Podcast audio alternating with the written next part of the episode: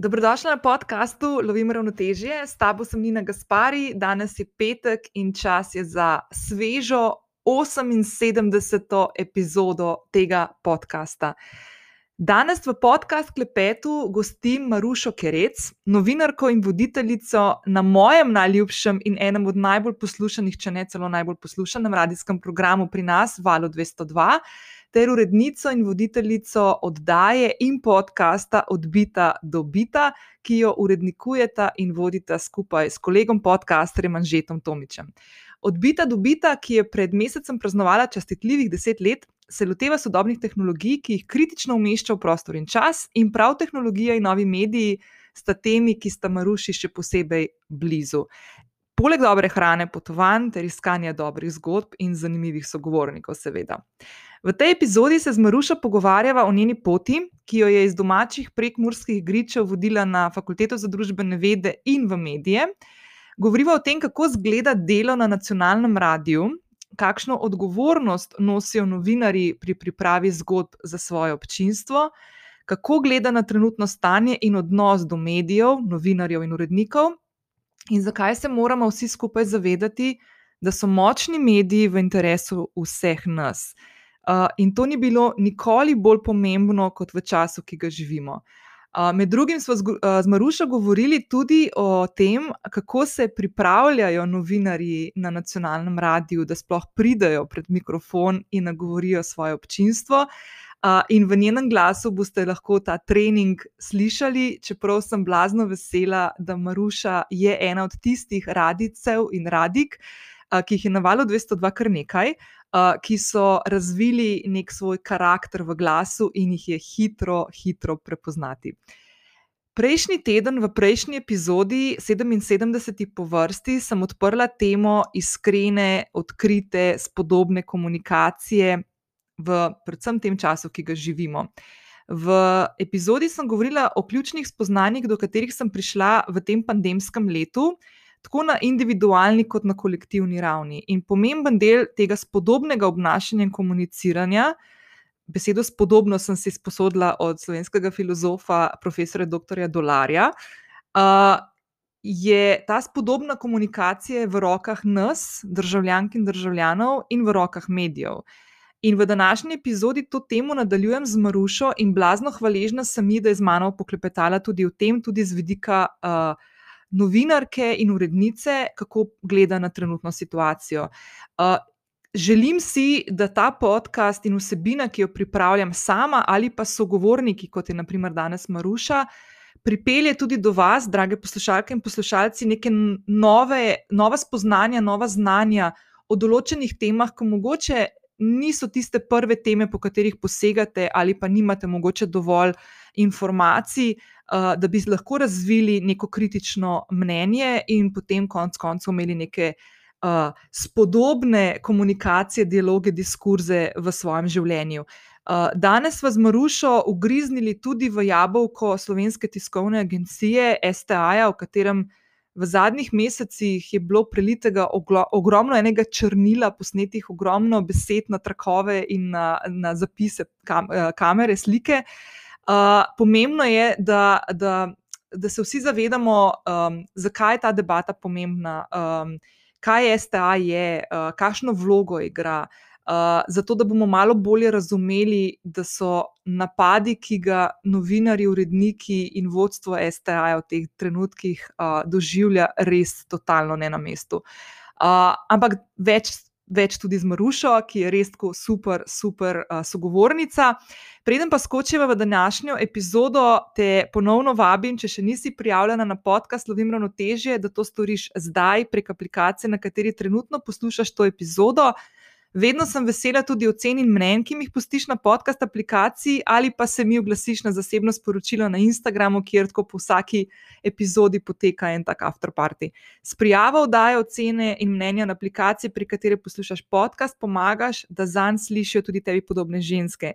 In moški, in tudi tokrat lahko spodaj v opisu najdeš povezavo do zapisa epizode, kjer te čakajo vse tiste stvari, ki smo jih danes v tej epizodi z Marušo omenili in vsi kontaktni oziroma linki do marušinih platform, kjer jo lahko spremljaš uh, tudi vnaprej njo in uh, njene, njeno delo.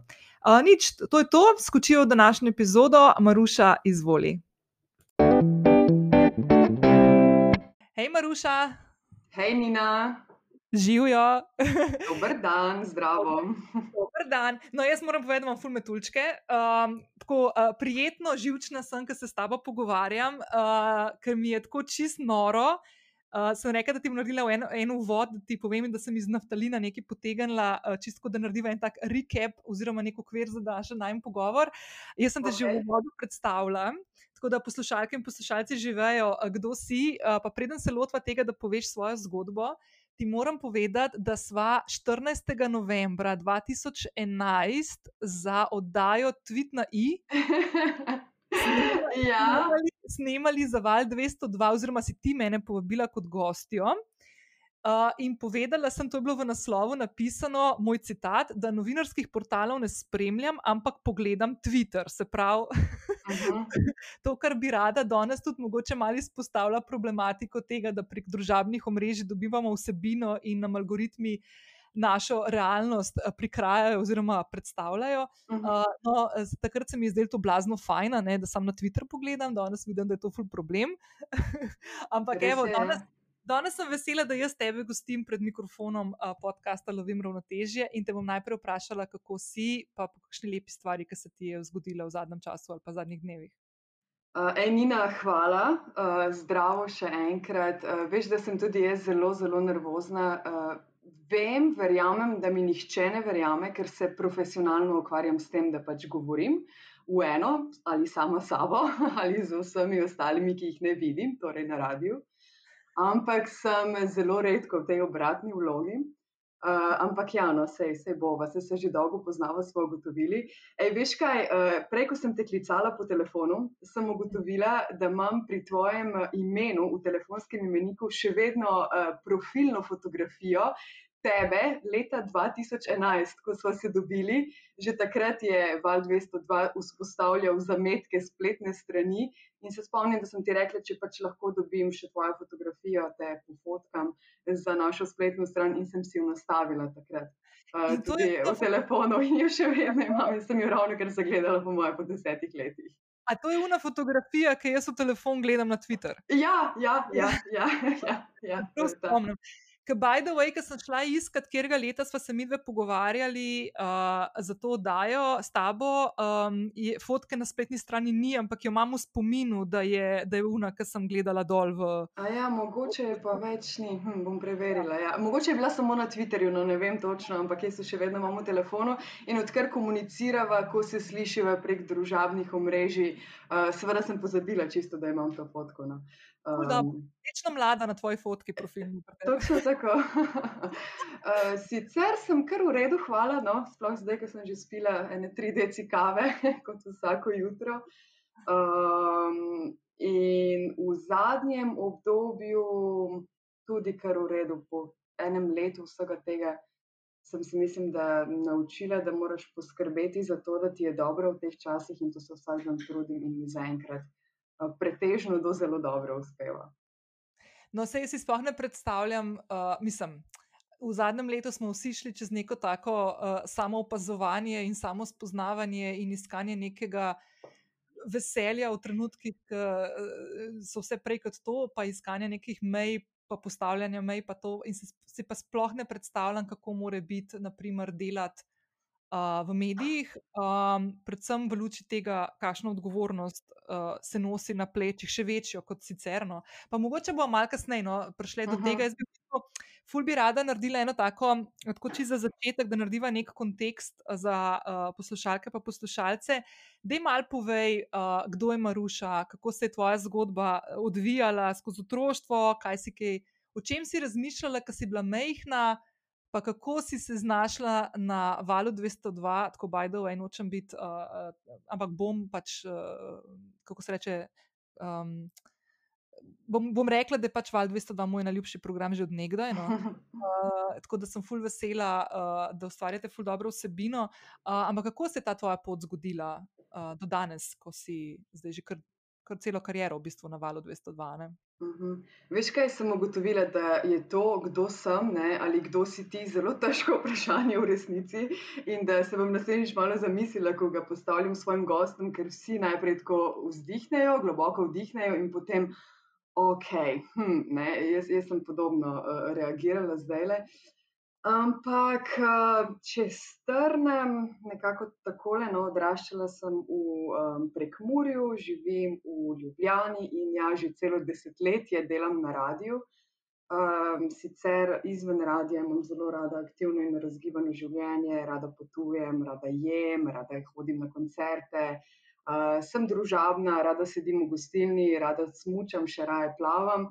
Uh, ampak uh, vse ostalo pa je v pretežni meri povezano z radijem. Um, zgodba, ta zgodba je v bistvu hecna. No? Uh, zdaj, ko jo gledam nazaj, po več kot desetih letih, se mi zdi, uh, da sem bila zelo uh, naivna in zelo pogumna, takrat, ko sem poslala prošnjo za delo na radiju. Uh, Uh, jaz sem sicer vedno govorila, da bom novinarka, čeprav takrat, ko sem bila uh, pač otrok, nisem vedela, kaj točno to pomeni.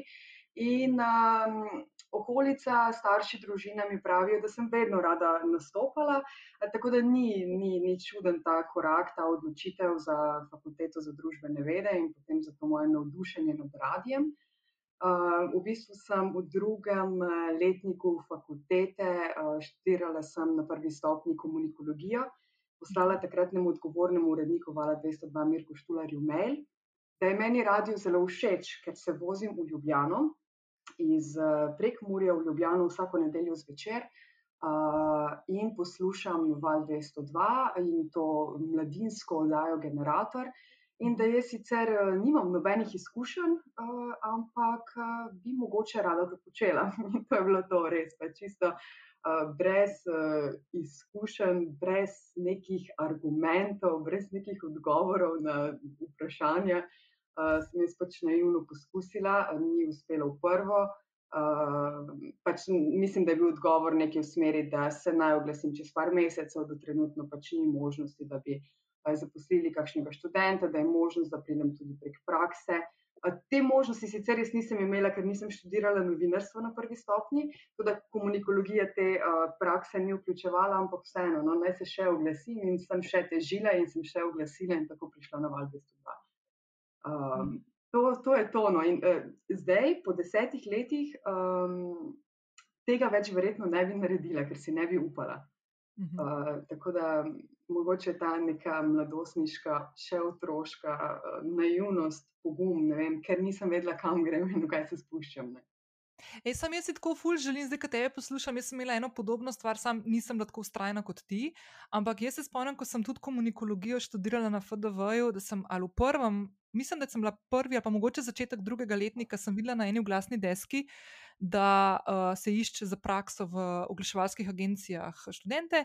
In uh -huh. sem šla k eni od asistentk, takratni, mislim, da je bila asistentka, mislim, da Tanja Kamin, nisem zihar, no, da ne bom koga zdaj naučila.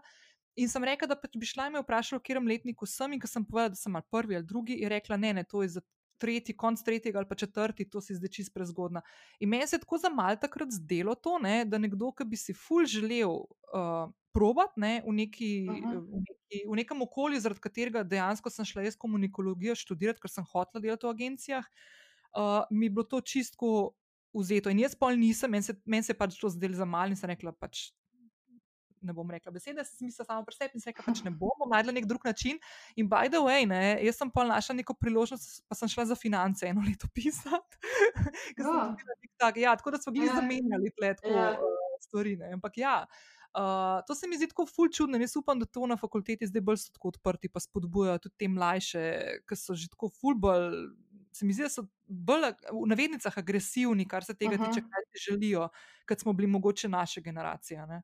Jaz, če zdaj pogledam eh, novinarstvo, pa te eh, mlajše kolege, kolegice, ki prihajajo z fakultete eh, tudi na naš radio, se mi zdi, da kar ja, ker jih priporočajo profesori. Uh, ali pač prek prakse, prek nekih uh, neformalnih izobraževanj poskušajo priti v sistem, vse pogledati, kako deluje medij v resnici.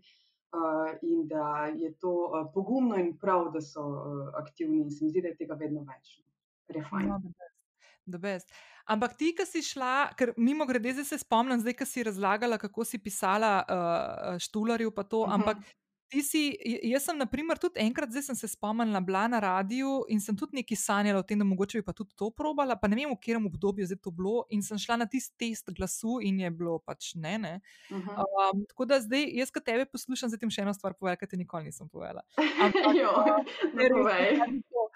Ker sem rekla, čak, to, to, to takrat nisem omenila. A se spomniš, ko smo se mi dve dobili?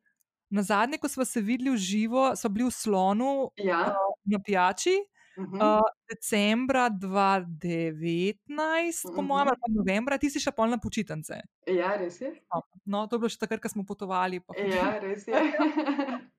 no, in jaz sem takrat ravno bila pred tem, da dam vam podcast, ali sem ga glih dala, no, nekaj tasga. Ampak. Je ko sem se jaz pripravljala na podcast, sem imela ful eno idejo in željo, da bi nekomu dala, da mi uvod posname, nek ta um, jingle ali pa neki, in jaz sem imela ful tebe v mislih. Imaš ful lep glas, tako da zdaj povem, zakaj sem šla v to sceno, ker pač bi malce dotaknila tega šolanja oziroma tega treninga, ki ga imate na RTV-ju. Ja. Uh, kako se to pač pripravljaš, pa to, da pač spoh priješ do mikrofona, pa pred mikrofon. Ampak takrat se ti pol ful nisem upala to reči, ker smo bile v slonu, ker sem bila ok, kva ful slišati. Ampak ja, jaz. Ne, seveda bi z veseljem, če bi ti to izredno želela, ampak bolje je tako, verjemi. Vse sem ti takrat se spomniš pisala takoj po prvi epizodi, da je dober začetek, da je vzpodbudno in da bo vedno bolje. Dobro je zato, ker je to tvoja osebna stvar in je prav, da če si ti odkrita s svojimi poslušalci, da jih osebno nagovarjaš. No? Tako da ta jingle je boljši, verjemi, ne glede na profesionalni ali neprofesionalni glas. No, tako se mi je fajn, da sem to sporočil takrat dobila, jaz se spomnim, valjda. Ja ful se mi je zdel, kot moj bog, ja, itak, ful, ful, hvala ti za to. Pa jaz sem šla v bistvu, uh, se mi zdi ful prav, kar si zdaj rekla in se strinjam s tem zdaj z eno leto in pol. Uh -huh. kasneje, Ampak takrat je bilo pa bolj tako, no, da sem v bistvu si hotela malo poenostaviti življenje, če si iskreno. Uh, in, in plus to, da sem malo mi je bilo mem ti rečno, tako. Ampak ja, uh, drugače pa, uh, veš kaj, ne vem, to fum je bilo smešen. Um, ti, si, ti si tako, ok, ti si zdaj na radiju že skozi, pa se boji tako malo še vrnili, kako si prišla, pa kje si danes, pa kakšna je tvoja vloga, oziroma ka, kakšno delo upravljaš. Uh mhm. -huh. Jaz se spomnim, ker sem podcast začela snemati. Ne vem, če sem ti to povedala, da sem imela ful problem, uh, ker nisem mogla sam govoriti. Jaz sem si mogla uh, ogledalo postaviti tukaj zraven računalnika, ker uh -huh. sem se tako navadila govoriti v storiji, veš na Instagramu, pa sebe videti, da sem ugotovila, ker sem se lotevala podcastanja, da sploh ne morem govoriti v mikrofon, brez da sebe ne gledam zraven. Mislim, čista bizarnost, tako res, malo narcisoidno je to, ampak sem mogla, po mojem, ene par podcast epizod prvih, sem mogla tako prav posneti. Zdaj, zdaj v redu, zdaj lahko tako pač brez, brez kakšnih teh distrakcij ali podpore. Ampak, Ampak to je čisto glede na vizualne medije. Eh, ja. Ki pač kričijo in nas opozarjajo na spletu, na plakatih, na, na televiziji, v časopisu. Uh, čeprav se meni to zdi smešno, uh, ker sem pač jaz zrasla z audijem, uh, mm. nikoli nisem preveč marala televizije, zato tudi morda ne maram Instagrama ali storijev. Uh, Um, ampak ja, te, te lahko razumem, svet je nekako tako naravnan. No. Ja, zelo je vizualen. Ja. Zelo uh, so pomembne samo podobe. Ja. Ej, da best, ampak ok, deva tako zdaj. Ok, ti si iz, pre, iz Prekmurja, si se vozila v Ljubljano, takrat je bila še pot, verjetno malo daljša. Prav sem imela ful veliko časa za poslušati uh, radio v avtu.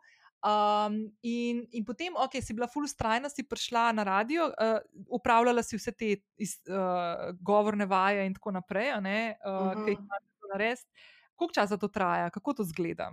Uh, več kot eno leto, če se prav spomnim, oziroma najmanj eno leto, če si ali uh, boljši, izstopajoč, kar se govora tiče, ali če morda imaš izkušnje iz kakšnega uh, drugega radia. Um, če se prav spomnim, um, vse je še zdaj podobno, no, vsi um, mladi sodelavci, študentje, gremo čez um, nekak podoben potek uh, izobraževanja in upeljevanja v ta sistem. uh, prideš na radio in si večinoma zraven novinarjev, ki hodijo na teren, na drugi strani stekla v studiu, spremljaš, kaj počne voditelj, kaj počne dnevni urednik, kakšna je komunikacija med voditeljem in tehnikom. Uh, sediš na sestankih, kjer se dogovarjamo o vseh rečeh, ki so potem. Na radiju objavljena, uh, skratka, uh, in potem počasi snemaš ankete, se pogovarjaš z ljudmi. Um, to je še danes zelo dobro um, o temah, ki so ti blizu. Torej, jaz sem se navdušila nad tem študentskim, mladinskim generatorjem in takrat, ko sem prišla na radio, seveda začela v ekipi generatorja pokrivati teme, ki so mi blizu. Uh, študentarija, mladina, uh, študentski domovi, študentska politika, uh, žuri, znanje, izobraževanje, vse, kar pač sodi zraven. Um, in potem počasi po lestvici gor, mislim, če to zdaj pravilen izraz, ampak uh, konstantno se učiš, spremljaš in več si zraven, bolje je. Uh, več pokažeš, da si želiš tega, da se želiš učiti, da te stvari zanimajo, bolje je zate. Uh, še vedno šteje samo inicijativnost uh, in to, da pač pokažeš, kaj ti je blizu, kaj te zanima. Uh, poskušamo takrat te mlade usmerjati uh, v to, kar jim je fajn. Um, in, in ja, no, uh, sem, sem začela v generatorju s temi nekimi uh, temami za mlade, in hitro ugotovila, da me zanima ogromno stvari, uh, in hitro ugotovila, da me najbolj zanima ta etar, uh, delanje radia v živo. Uh, in pač poskusila, ampak uh, proces je dolg. V govorno šolo te približno dajo po šestih mesecih neke poskusne dobe, dobe ko si povsod samo zraven. Um, mm. In potem je tam, tako kot v šoli, vse praktično od začetka. Celotna slovnica, fonetika, izgovarjave tujih jezikov, domačih imen. Uh, Um, prav tako, pouk 45 minut, uh, traja mhm. ura, zvezek imaš, svinčnik imaš, pišeš, izgovarjaš na glas, spet pišeš, se doma učiš, dobiš domačo nalogo, jo narediš, prihodnji teden jo prineseš nazaj in skupaj preverimo.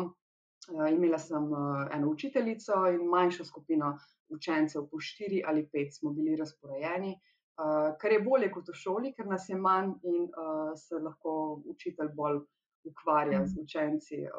In učiteljica je bila zelo zahtevna in to je prav, takšno so pač pravila Radia Slovenija. Ta lestvica je postavljena zelo, zelo visoko. In poleg tega dobiš individualnega učitelja govora, v mojem primeru je bil to Ivan Lotrič, in z mhm. njim spet, tako kot v šoli, 45 minut, enkrat do dvakrat na teden, šola govora. Prineseš svoje tekste, Mm, torej, v mojem primeru so to bili novinarski prispevki o študentski tematiki. Uh, ali ti pač učitelj prinese tekste in jih bereš. In en odstavek, naprimer, tri stavki, naprimer, pet vrstic teksta v Wordu, če si predstavljaš, bereš 45 minut. Wow. Eh, zdelo se mi je, da se učim brati na novo, da do zdaj nisem znala govoriti, ne sploh. Um, ampak pač to, to je tako pomembno, včasih vsak zlog predeluješ 10, 15, 20 minut. Um, in proti koncu šolanja, ki traja spet eh, eno študijsko leto, deset mesecev, uh, potem že bereš tekste, tako kot eh, če bi sedela v studiu na radiju, ne več zlog po zlog, besedo po besedo, ampak celoto, torej cel odstavek, torej naprimer pol strani Wordove. In uh, potem greš na audicijo, na eno mestno najprej, ker te ocenjujejo kolegi novinari in tvoji nadrejeni uredniki in um, ta ta komisija govorne šole na Radio Slovenija. In potem, čez nekaj časa, greš na končno audicijo. In ko jo narediš, in pri fonetiki narediš vse izpite, mimo grede, eh, mislim, da še vedno velja, da je kriterij 90 odstotkov, vse, kar je pod 90 odstotkov, je pač uh, negativna ocena. Um, ko to vse pač opraviš, potem lahko govoriš po radiju. Ej, to mi je ful dobro si povedala, ker se mi zdi ful pomembno, da, da se tako razume Um, s kakšno odgovornostjo, uh, pa bo zdaj, ko se bomo fokusirali pač na Radio Slovenijo oziroma na RTV kot uh, celotno hišo skupaj s televizijo, ki imajo tudi oni podobno tam, s tem, da imajo zraven valjda še sliko. Uh, koliko veliko se vlaga v to, da so kadri, ki na koncu pridejo pred mikrofon, oziroma pred mikrofon in kamero, res, res pripravljeni za to, da nastopajo odgovorno in samozavestno, tudi konec koncev pred občinstvom svojim. Uh, Uh, se mi zdi, da se to doskrat malo tako pozabi na to, mogoče, da, da se to stvari resne. Ne? Ja, zelo, zelo resne. Um, sicer se včasih uh, vprašam, zakaj uh, nimamo več, um, več nekega usmerjanja v voditeljstvo, Eh, še vedno je to tista stroga, zborna slovenščina. Eh, jaz danes po radiju govorim zelo drugače kot takrat, ko sem prišla iz govorne šole. To zdaj ni samo to, da sem se eh, polenila, da, sem, da si včasih dovolim, da govorim tudi pogovorno, sploh ko se pogovarjam s poslušalci v živo. Uh, ampak um, pomembno je biti blizu ljudem, pač ljudi nagovarjamo in uh, vsem nam uh, ni najbolj blizu zborna slovenščina 24 ur na dan. In če, če res uh, želim, da, da mi ljudje verjamejo, zaupajo, uh, da me lahko tudi imajo radi, me radi poslušajo. Je vseeno prav, da sam potem, no, to je predvsem odgovornost vsakega voditelja, um, najdeš neko umestno pot, absolutno visoki kriteriji, kar se tiče zborne slovenščine, jezika, slovnice, vsega, vsega, kar sodi zraven k slovenskemu jeziku. In na drugi strani pač nekaj, da vseeno zvenimo čim bolj normalno. Jaz pač tako, kot se zdaj pogovarjam s tabo se pogovarjam s svojimi prijatelji, se pogovarjam z nekom na ulici, zakaj se potem ne bi pogovarjala z nekom, ki, ki me kliče v Eter Vala 202 zaradi bilo katere stvari. Pač, um, in in to, to iskanje. Meje tega te govorna šola sicer ne uči. Uh, lahko bi nam kdo učitelj, da smo preveč strogi in da učimo uh, preveč ljudi, da delajo samo znotraj nekih zelo resnih okvirjev.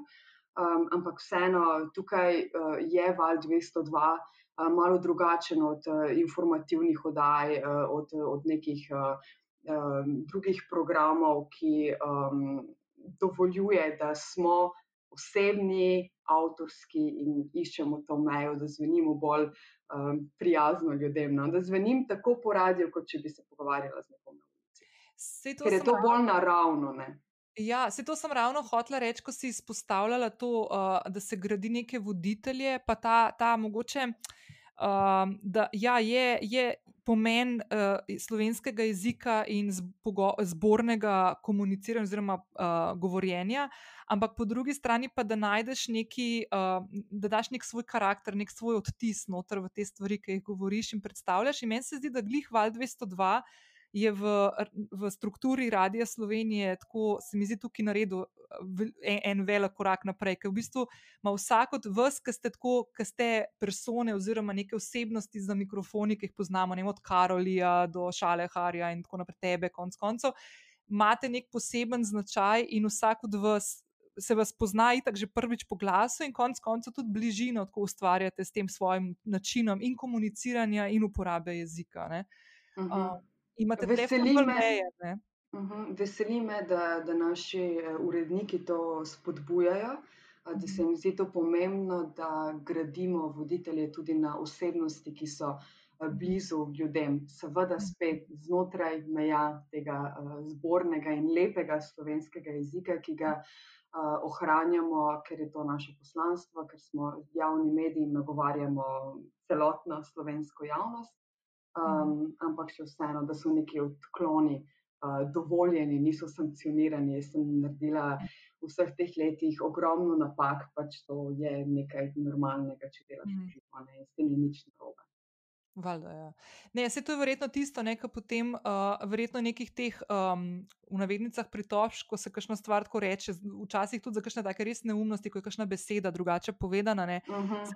Radi na javni mediji, kot je naprimer RTV Slovenija, zgrne veliko več takih pritožb, kot naprimer na nek drug medij, ki ni v službi, v poslanstvu tega, kar se zdaj tudi umenila. Ne, da, uh mhm. -huh RTV Slovenija ni samo konc koncev, samo kot medij, ki podaja neke informacije v nekih oblikah, uh, ki so primerne za neke, neke oddaje, ampak dejansko tukaj igra ful, ful pomembno, jaz bom rekel temu kar mal državotvorno vlogo. In bom kar dodala, ker sem že v prejšnji epizodi bila fuljezna, tudi na tem področju, kar se tiče medijev, da se mi zdi ravno zaradi tega tako fulgardo, ker se te napadi izvajajo, predvsem na RTV. Tako na živce mi gre in, in ful sem jezna. Tako da, evo, to bom jaz. Ej, imam en primer, ki mi bo, po moje, za večno ostal v spominu. Pred leti, zdaj, sigurno že več kot pet let nazaj, se mi je zgodil en lapsus v vetru. Uh, prevajala sem ne ravno simultano, ampak vseeno videla sem neko novico na enem izmed tujih medijev in jo čez približno pet minut povedala v eter. Uh -huh. In sem prevajala uh, in sem rekla bilijon, o nekih številkah sem govorila, o nekih astronomskih zneskih. Uh -huh. In je takoj klical en poslušalec, mislim, ko si pa ta misli, ne, pa kdo je sploh uh, ta ženska, popolnoma nepoučena, da je vendarle uh, edino uh, pravilno uh, in normalno in dovoljeno. Uh, V, v etru uh, Radia Slovenija, milijarda, ker imamo lepo slovensko izreznico za bilijon. Absolutno se strinjam, jaz si bom to zapomnila. Za vse večne čase ne bo se mi več zgodilo. Ne, tako da uh, vse so opozorila čisto na mestu, dokler, dokler niso pretirana in sovražna in žaljiva. Uh, ampak ja, se večinoma uh, ti ljudje oprostijo uh, nekaj takega, in pač, če, se, če se ne ponavlja, um, to pač ni, ni nič strašnega. No. Spomnim se tudi, da um, ne vem, smo se mogli striktno držati. Uh, nekih besed, eh, valjda je nogomet, ne futbal, ampak. Si dovolim, če s kakim eh, športnim mm, kolegom, novinarjem, kaj klepetam o, o stvari, ki mi je popolnoma neznana, um, da rečem futbal in se kaj hecava in so te stvari. Mm. Mislim, nič usodnega, no. ne za slovenski jezik, ne za Radio Slovenijo. Seveda je pa v vseh poročilih, v vseh novicah to nogomet, razumljivo. Mm. Ja, ja, itak. Ampak, tle veš kaj, ki si govorila uh, o svoji zgodbi in o tem šolanju RTV, teh desetih mesecih intenzivnega dela, mi je bilo ful všeč ena, ena stvar, ki si omenila, to, da ste imeli mentorje, tudi novinarje, spravi, da bi bil Lotrič tvoja. Ne? In se mi zdi tako ful lepa stvar, ker naprimer. To je pa ena rak rana moje kariere, ki ful pogrešam in nikoli nisem imela nekega mentorja ali pa nekega človeka, ki bi me spremljal in znal tako malo usmerjati v kakšnih določenih stvareh, da bi mogoče kakšno stvar hitreje dala skozi, kot sem jo pa mogla sama. In uh -huh. sem vesela, ker slišim, da znotraj ene hiše obstaja to in da starejši kolegi prenašajo naprej na mlajše, in verjetno tudi zdaj posledično že ti počasi tudi na mlajše, ki prihajajo uh -huh, za nami. Mhm, tudi res je. Ja. Uh, Ivan Lotrič sicer ni bil moj novinarski mentor, ampak učitelj uh, govora. Uh, v redakciji Vala 202 pa si tudi to mentorstvo razdelimo uh, zdaj med mlajše kolege, uh, ki prihajajo. Uh, jaz sicer takrat nisem imela jasno določene ene osebe, uh, ki bi bil moj mentor, ampak tako kot sem rekla na začetku, no, zelo pomembno je, da ti uh, celotni redakciji poveš, da te stvari zanimajo da, da, da se sam malo malo porineš v spredje, izpostaviš toliko, da nekoga pocukaš za roko in mu rečeš, da meni je to ful dobro, ali lahko grem s tabo na teren, samo da vidim, kako ti te stvari počneš. Ali pa mhm. vprašaš koga uh, za mnenje. Uh, še danes, po vseh teh letih, se ogromno pogovarjamo. Jaz imam lahko že nešteto izkušenj z delanjem novinarskih prispevkov in radijskih oddaj in z vodenjem radijskega etra. In, uh, in ogromno krat se zgodi, da kolegom eh, delim, naprimer, Google dokument z vprašanji za nekega gosta, jih prosim za mnenje, eh, ne vem, pošeram scenarij s kom. Ki se mi tudi znotraj hiše, morda ne nujno znotraj uh, samo vala 202. Um, če se mi zdi, da nekoga to zanima, da ima več izkušenj, da, da se pogovarjamo, no, da skupaj mm -hmm. delamo bolje. Ej, ful dobro. Ampak zdaj ti po desetih in še nekaj ne letih. Še uh, nekaj delam, mesecih je, ja. deset ja. in nekaj mesecev. Na, na valu 202 si ti, še ena stvar, ki mi je tudi ful všeč in smo se takrat pogovarjali v slonu, ko smo se na zadnje v živo videli. uh, je to, da si ti v bistvu celo kariero v uh, eni hiši in da uh, ti je ta hiša omogočila rast. Ne? Se pravi, da znotraj iste inštitucije in istega programa radijskega, ki ga so ustvarjaš. Uh, si šla od tega, da si spremljala svoje novinarske kolege, ki si jih takrat še opazovala, do tega, da danes suvereno vodiš. In da me popravi, če sem kakšno stvar na robe rekla, ti si tudi urednica. Te oddaje, um, odbite, dobite. Mi, okay. imamo, mi imamo v bistvu. Um, Mogoče ljudje tega zunaj ne razumejo, pač točno te nekih hierarhičnih uh, lestvic, še znotraj, uh, znotraj Vala 202. Uh, ampak ja, no, pri nas je dnevni urednik uh, funkcija človek, ki uh, naprimer skrbi za določen dan. V ponedeljek je to ponavadi stalni človek, torek, sreda, četrtek, petek, čez vikend se malo uredniki zamenjajo. Uh, To jaz nisem, potem so tukaj uredniki oddaj. Um, nekatere oddaje imajo svoje urednike in stalne voditelje, spet eh, tehnološki podcast Odbite, dobite je tak primer z Anžetom, sva so urednika in so voditelja. Um, ne pomeni, da smo nujno za vse sama, spet ogromno se pogovarjamo o temah in gostih uh, in debatiramo in iščemo prav in narobe, ampak načeloma je to najna odgovornost in mi dva počneva uh, to. Nekatere oddaje imajo svoje urednike in različne avtorje. Tisti človek potem, poleg ostalih stvari, ki jih počne, eh, skrbi za to, da če je oddaja na sporedu v sredo, da bo vsako sredo tam primerna vsebina, da bo avtor poskrbel za vse, mogoče s takim opomnikom tega urednika, zakaj vse je potrebno poskrbeti. Um, in tako naprej. No. Tako da, um, te stvari se včasih mešajo, včasih pokrivajo, ampak ja, no, če, če bi se že mogla, če bi imela vizitko, pa je nimam, ne vem točno, kaj bi gor pisalo, ampak sem voditeljica in sem novinarka in sem urednica oddaje odbite, dobite, ampak uh, ne izpostavljamo vseh teh nazivov preveč. No. Ne zdi se nam to tako zelo pomembno.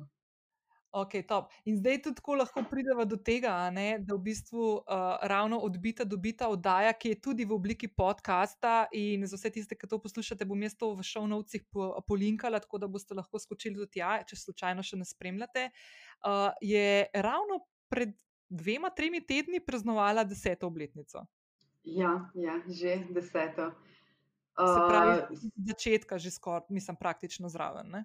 Ja, tako je. Super je bilo se spomniti vsega, kar se je zgodilo v desetih letih. Tako lep rojstni dan, no, fajn mejnik se nam je za žetom zdela ta desetka. Zato smo to malo bolj poudarjala. Um, spomnila smo se naprimer, na to, da je vse skupaj začel uh, Matej Praprotnik, mhm. kolega, ki je takrat še bil redni del redakcije. Vala 202, zdaj sicer na, na drugi funkciji eh, znotraj Radio Slovenije in um, nas potegnil takrat eh, tudi mlade, pa tiste novinarje na valu, ki smo mm, nekako izrazili pač neko navdušenje nad tehnologijo, ki se dogaja povsod okrog nas. Uh, ime začel zbirati na Twitterju, zmagal je potem Jonasov predlog, odbite, dobite. Skratka, um, začelo nas je pet, šest sedem, morda vmes. Um, tehnologija je tudi taka stvar, ki privabi in privlači mlade. In ogromno teh ljudi, ki so kasneje prihajali na radio, še malo za mano, so potem bili ustvarjalci uh, oddaje Odbita do Bita. Na začetku je bila uh, zelo drugačna kot je danes. Trajala je sedem minut, približno. Eh, spomnim se, da je takrat Matej ogromno razlagal o tem, izobraževal se je mimo grede tudi v Združenih državah Amerike in razlagal um, o tem, kako je audio pomemben in kako uh, je pomembno ohranjati pozornost poslušalca, kar pomeni, da ne moramo delati prodaje 30 minut, ker tega ne bo nihče poslušal da to mora biti hitro, učinkovito, um, in smo se držali teh modnih smernic. Pač v tistem uh, primeru uh, zabavne so bile vdaje, sploh zdaj, če jih po desetih letih poslušaš za nazaj. Um, govorili uh, s številnimi start-upi in inovativnimi uh, tehnološkimi idejami, ki so vmes propadle, da se to pač zgodi. Um, in potem sva 2017. Jaz sem vmes že prevzela to urednikovanje te vdaje, to pomeni, da sem naprimer imela roko čez nekih 5-6 sodelavcev in malo delala urnik, razporejala teme, kdo bo kaj pokrival. In potem, ko smo se 2016 začeli dogovarjati, da pride k nam na Val 202 v službo Anže Tomič, uh, je prišlo do ideje, da bi mi dva, potem 2017, začela uh, s podcastom Odbite, dobite, se je že prej bil podcast, ampak da to malo bolj poudarjamo. Um, in, uh, in spet um, začela neko čisto novo ero uh, Odbite, ki je zdaj prerasla v res uh, priljubljeno, popularno radijsko vdajo in tehnološki podcast, kar, kar je super. To zelo rado delava. Pri enih stvareh smo si zelo različna, razmišljamo zelo različno. Všeč mi je, da vedno najdemo neko skupno pot. Da um, Anže doda nekaj, jaz nekaj, izbiramo goste, ki so zanimivi in pač to je očitno. Recept za uspeh. No. In te epizode, oziroma oddaje, so prerasle iz 7 minut, zdaj le tukaj gledamo, vmes tudi na 47. Ja, ja. ja. Veš, to je meni tudi fully zanimivo, bilo, ko sem jaz s podcastom začela in se mi je zdelo tako, da moram nekako držati nekje tako neko dolžino, ampak sem v bistvu ugotovila s časom, ne, to mi je tako fascinantno, ta audio, to, kar si omenila, Mateja, ne, da kako je audio medij fully pomemben in treba drugače pozornost človeka držati, kot naprimer z neko vizualno. Ne vem, ali pa ljudje smo navajeni za teh 15 sekund, ne, ali pa še uh -huh. pozornosti, kot je vem, dolg story ali pa tweet, ker je dolg. Ne. In um, ko se je izkazalo, da mislim, da imam jaz najdaljšo epizodo, skoraj dve uri dolgo, in je ena od epizod, ki je najbolj poslušana in do konca jo ljudje poslušajo. Mislim, praktično jih 80 odstotkov do konca pride. Uh -huh. Kar se mi zdi tako čist noro, uh -huh. koliko časa ljudje damo zdaj možnost enemu mediju, kot je vem, podcast ali pa, ali pa oddaja na radiju, vse je ista, ista forane. Uh -huh. Kako v bistvu usmerimo enega časa in pozornosti, če nas neka vsebina in tema zanima. Ne? In kako pomembno je, da poznamo občinstvo in da ga nagovarjamo s stvarmi, ki ki so jim blizu, oziroma po katerih hrpenijo in usmerjajo svoj, svoj čas in, in pozornost na njih. Uh mhm. -huh. Točno to. Zelo pomembno je, da poznamo občinstvo, uh, kar je velik izziv. Um, Na primeru Vala 202, ker je teh poslušalcev ogromno, veliko več kot med našimi podcasti, in so si veliko bolj različni. Mhm. Zato pri teh stvareh uh, različno nagovarjamo to občinstvo. Primer odbite, dobite. Uh, mi dva se zavedava, da je to občinstvo nišno, najni poslušalci so zelo zvesti, ampak uh, načeloma jih tehnologija zanima, so jim teme znane, imajo radi. Naprimer, da tudi včasih interne tehnološke debate, ki jih uh, mogoče kak poslušalec Vala 202 ne bi razumel, ker ne spremlja mhm. področja tehnologije. In na drugi strani je ta tehnološki podcast, potem tudi radijska oddaja ob četrtkih popovdne. Še vedno se probujem držati nekih sedem minut pozornosti poslušalca, je uh, izziv poznati mhm. občinstvo in izziv z teh um, z neke teme, uh, ki je mogoče na prvi pogled preveč robustna, tehnološka, nerazumljena, narediti uh, nekaj, da v sedmih minutah ti vseeno uh, ali pa desetih. Poslušalcu, ki mu tehnologija ni nujno blizu, ker je poslušalstvo tam večje in bolj raznoliko, da mu temu približaš, da ohraniš njegovo pozornost, da ostane na valu 202 in da, da se mu vseeno to zdi zanimivo. Ne. Uh, ja, s tem se konstantno soočamo. Um, jaz, kot voditeljica, jaz, kot avtorica vdaje, uh, pomembno je, uh, da poznaš svoje občinstvo, šele takrat ga lahko uspešno nagovarjaš. Mm. Ej, če se tako spomniš, zdaj ustvarjanja desetletnega, zdaj že lahko desetletje. Kako je to grozno. Ej, Ej, by the way, se jaz sem imela tudi več kot zdaj, konc februarja, deseto obletnico, uh, uh, odkar sem na svoji poti samostojni podjetniški, ki bi mogla biti en let dolga. Si jo, malo posebej teče. Čestitke, vse je lepo, in jih sem tako, ne že. Zelo rečeš desetletja. Ja. No, ampak, se spomniš, kakšne take zgodbe, ki te je tako, uh, ki še danes, naprimer, ki pomisliš nazaj, ti je tako bila čisto fascinantna, ali pa, ali, ali, kakšna, ali pa kakšna inovacija tehnološka, ali pa kaj tasga, ki te je čisto zunaj. Oh. Kaj spomniš tasga? Ali pa sogovornik, mogoče, ne vem. Težko izpostavim koga, ker bi komu drugemu naredila krivico. Vidiš, tako je lep, politično korekten odgovor. Ja, Eh, zdaj zapakirala. Ja, ja, ker gledaj, valjda zbiram samo najboljše, ne? tako da vsi so najboljši. um, ne, pač ta, ta oddaja je zagotovo naredila vtis na moje delo. Pa tudi se mi zdi na moje zasebno življenje. Pač res sem ugotovila, da imam rada to, da, da spremljam pač področje tehnologije tudi v prostem času, da se ogromno s tem pogovarjam z drugimi ljudmi, tudi s prijatelji. Zato, ker me ljudje tudi potem poznajo, ker pač rado izpostavljam to, da, da sva zanžeta od bita do bita. Uh, ampak uh, inovacija je odlično vprašanje, na katerega nisem pomislila, čeprav sem ob deseti obletnici odbite s tem težila vsem gostom. Ne, in vsi so rekli točno to, kar zdaj jaz držim se za glavo in razmišljam, kaj bi izpostavila. Ampak uh, po mojem bom rekla iPhone. No. Aha. Uh, sicer se zdaj ne spomnim trenutka, ko je prišel iPhone na trg, kot uh, spomnimo takrat revolucija. Ne? jaz ga vem zelo dobro.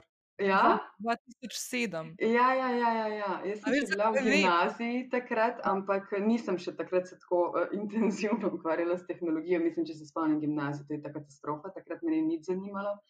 Uh, ampak eh, kasneje, no, uh, sem pa po prvi iPhone 3GS šla na Hrvaško. Mam je Ja. rekla, da ne more verjeti, da se počuti, kot da smo neki ilegalci, da, da, pač eh, mi, da moramo čez mejo, da mi nek gospod prek Bovhe prodaja telefon, ki v Sloveniji ni v prodaji. Mislim, to je bilo vse narobe. Jaz sem s kupom denarja v gotovini, seveda, stala nekje pri, na, na parkirišču nekega trgovskega centra. Ampak jaz sem želela iPhone, ki ga seveda v Sloveniji ni mogoče dobiti, ampak to je inovacija, ki bo zaznamovala naše življenje. In ja, še zdaj imam ne več 3GS, ampak um, iPhone. No, saj tudi uh, moji poslušalci vejo, da jaz sem Apple, Anže je Android, stalno se hecava uh, na to kreganje o tem, kaj je zdaj bolje. Ampak, uh, ja, da je reč iPhone. No. No, da bes, ampak ti povem, da evo, zdaj sem prav odprla Wikipedijo, da junija 2007 je prišel ven prvi iPhone. Uh -huh. Uh, v Sloveniji je prišel ven, ti bom jaz povedala točno, uh, 1. decembra 2007, to so bili pri Tušmobilu, jaz sem bila PR-ovka na Tušmobilu, zato se spomnim, ker so mi en dan prej povedali nadrejeni, da naslednji dan dajemo ven iPhone in jaz sem vedela, da bo to cela panika in hajka, ker pač iPhone v Sloveniji ni bilo za dobiti pri Mhm. operaterjih in so bili Mhm. kupljeni ne vem, kje na nizozemskem, kaj pa vem, kje, kje je to bila spet neka scena. V glavnem, zato se jaz tega res ful dobro spomnim, ker sem imela totalno paniko takrat, uh, 1. decembra. Tako da ja, ampak se strinjam, se strinjam. In mimo grede, ne, ti odbita, dobita, ne, na zadnje spet, ko smo se videli, tle gledam mojo uh, Apple Watch uro, sem bližna sveže imela uro in si mi rekla, da grem lahko tudi v vodo plavati, sam da se Ja, zapret. Ja. Nisem še probala tega, vedno si dam dol uro, ne vem, še vedno sem imela strah, da se bo kaj zgodilo. pa no, Nič se ne bo zgodilo, Nina. ja, ja, vem, vem. Ampak ti pa povem, da mi moj nečak, vsakič, ko vidi mene in najprej gleda pol po uri, mi vedno naštima uno, veš, breathe, uno rožico. Ja, ja. No, ali pa mi vklop tole kapljico. No? Tako da se vedno, fulkrat, in vsakič se na te spomnim, da to kapljico lahko začnem uporabljati, da zaprem uro, ne, da grem lahko Ja. poslušati. ali Pa, no, tako. Ja, no, če je iPhone taka tehnološka stvar, ki je zaznamovala uh, moje desetletje, uh, ne bom rekla, da je pač najboljši Apple izdelek, ki ga imam, ker je to zagotovo ura. Moja je sicer serija 4, zdaj Aha. že kar stara, ampak eh, še vseeno pač res, res vzdržljiva stvar. eh, Bolj sem Mhm. zadovoljna. Bolj sem zadovoljna z baterijo kot na telefonu, ker vsak Ja. telefon po enem letu začne zelo popuščati, Mhm. uh, ura pač ne. In, Se Ja. strinjam, isto. Fajn je plavati z njo in vse ostalo početi z njo. No, ampak zdaj, ker te nisem mogla uh, vršiti na to, ne, da se eh, razen iPhona in Apple Watcha, no, uh, na katero zgodbo tako ali pa inovacijo še dodatno, da bi izpostavljala pa sogovornika. Kaj pa so tiste, se to si že malo odgovorila, kakšne so tiste zgodbe, ki tebe naprimer, tako najbolj zanimajo, naprimer zdaj v okolju? Uh, kje stvari tiste zdaj v tem trenutku, naprimer, ki se spomniš, te najbolj kravžljajo možgančke, kakšne tehnološke ali pa tako kakšne druge stvari, no, ki se zdaj ukvarjaš ali pa pripravljaš mogoče kakšne teme. Ja, um, ja valjda odbite teme me zanimajo, ne? in dobesedno in v prenesenem pomenu. Uh, tako kot sem ti rekla, v tehnologijo sem pač najbolj padla v zadnjih letih in intenzivno razmišljam o tehnoloških temah, ki vplivajo na družbo. Uh, to nekako poskuša biti nit podcasta odbita, dobita. Uh, in potem se pač zgodi, da tem temam posvečam največ uh, službenega, tudi zasebnega časa. Sicer pa um, me zanima ogromno stvari, in včasih se vprašam, kaj bo, če se bom naveličala. Uh, včasih si postavim vprašanje, ali bom jaz 40 let zaposlena na RTV Slovenija. Um, ne poznam odgovora, ne znam si predstavljati, niti da bi bila kje drugje, ker sem točno tukaj zrasla, ne, kot smo ugotovili. Um, ker sem brez izkušenj najprej prišla sem in se tukaj učila uh, radijskega novinarstva. Uh, ampak uh, se sprašujem, če se bom kdaj naveličala, ker uh, vse sem poskusila že vse, ne? ampak še vseeno poskušam najti nove izzive, res me ogromno stvari zanima in um, poskušam ne biti preveč v okvirju, čeprav zdaj sem, skrbim za eno oddajo, vodim dva programska posova in pač to so moje primarne delovne naloge. Uh, še vseeno pa mi je všeč, ker naprimer športa jaz osebno ne spremljam. Uh, ne zanima me zdaj najbolj na svetu, ampak mi je ogromen izziv sodelovati pri kakšnem večjem športnem projektu na radiju. Planica je eden mojih najljubših uh, projektov skozi vsa ta leta. Uh, pri Zlati lisici sem naprimer že sodelovala. Uh, Um, pa nima veze, da me osebno sicer to ne privlači, da če ne bi bila v planici službeno, verjetno ne vem, če bi skoke gledala doma po televiziji ali jih poslušala po radiju. Uh, ali pa um, nisem glasbeni poznavalec, sem ljubitelj muzike, valjda še manj sem poznavalka ali strašno ljubiteljica Eurovizije. Pa mi je bilo v izziv štiri leta zapored iti na teren na Eurosong in pač pokrivati neko temo, ki nikoli ne bi rekla, da me sploh zanima uh, za Radio Slovenija. In uh, pač uh, take stvari so mi v izziv in fula rada se lotim nečesa novega. Uh, da tako si razlagam, no, da so potem ustaljeni stvari ne naveličem prehitro. Pa ne, pa se to je tudi dobro za, za poslušalce, ne, da nekdo vzame neko temo, ki je mogoče čisto na drugačen način zapele, ker ni tako noter. Uh -huh. več, mislim, uh mhm. -huh ne vem, zdaj si predstavljam, ko smo pogledali une formule, pa so bili skozi eni in isti napovedovalci, kako bi bilo fajn, če bi, naprimer, ne vem, ne, ne, za for ena ženska, ki pojma nima v formuli, enkrat komentirala. Uh -huh, uh -huh. Malo čez druga. Če je. Mislim, da sem dala res nekaj ekstreme. No, ampak, okay. um, kaj sem te hotla še malo vprašati, preden gremo na malce te lahkotnejše stvari, uh, pa bolj življenjske, pa to, da ne bomo samo v službi se pogovarjali. Uh, pogovarjali pardon. Uh, Um, Hotela sem te vprašati, jaz sem zdaj tako malo odprla uh, to temo uh, o vlogi medijev, uh, kako jo jaz vidim v prejšnji epizodi 77, ko sem govorila uh, malo tako kritično o družbi, v kateri živimo in jo soustvarjamo. In ena stvar, ki sem jo izpostavila, je tudi vloga medijev, ki jo jaz vidim še vedno kot uh, neko četrto vejo oblasti, ki bdi mhm. nad tem, uh, kaj se dogaja v državi v nekih uh, teh krogih elit, ali so zdaj politične, gospodarske, kako koli, in uh, z odgovornostjo potem, kako te uh, informacije in širino informacij um, predajajo naprej svojim občinstvom. Ne? Zdaj, v vašem primeru, na valu 202 poslušalcem programa, drugega programa nacionalnega radia. Uh, pa zdaj se mi zdi, da v tem zadnjem času, no, tem norem letu, pandemskem, se mi zdi, da je toliko bolj pomembno postalo uh, uh, se zavedati, da so mediji res pomembna stvar in da brez njih ne, je družba, mislim, jaz si ne predstavljam družbe brez medijev, če si iskreno. No. Uh, tudi konec koncev ne gre samo za to, da se poroča o nekih stvarih, ki se zdaj dogajajo, pa da smo obveščeni, pa da se te ukrepe predajajo, in tako naprej, ampak da se dejansko bdi nad tem, kaj se dogaja. Um, v družbi, da uh, vedno se mi zdi fulj pomembno poudariti, da uh, si kot družba moramo želeti in v bistvu zahtevati, da imamo medije, ki so močni, stabilni, uh, neodvisni, kar koli to že zdaj pomeni, in da s tem krepimo neko zaupanje do vas. Kot nekega interpretatorja številnih podatkov. Ne. Pa me zdaj tako malo zanima, uh, Um, zdaj, v zadnjem letu, pa ne bi šla neki na politiko, ki pustva to brez veze, uh -huh. to se drug ukvarja s tem, ampak kako ti, na primer, vidiš vlogo medijev ali pa tudi konec koncev svojo vlogo uh, v, v medijskem prostoru in do občinstva, in kaj je kakšna taka stvar v zadnjem času, ki bi si želela, mogoče ne vem. Da bi se o tem malo pogovarjali, pa mogoče ali sanirali, ali pa drugače naredili. Tako široko, ne rabiš tako, samo kot 202, tako uh -huh. generalno gledano. Uh -huh. Všeč mi je bilo, da si rekla, da si ne predstavljaš eh, življenja brez medijev. Jaz, kot sodelavka javnega medija, rada verjamem, da nas je večina takih in da smo mediji izjemno, izjemno pomembni za ljudi, uh, torej za javnost, ki jo nagovarjamo, in da nobena javnost ne more živeti brez preverjenih informacij.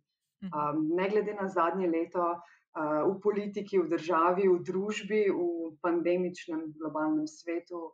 Jaz verjamem še vedno, da, da je tako, mogoče sem naivna ali pa preveč optimistična, ampak takšna sem.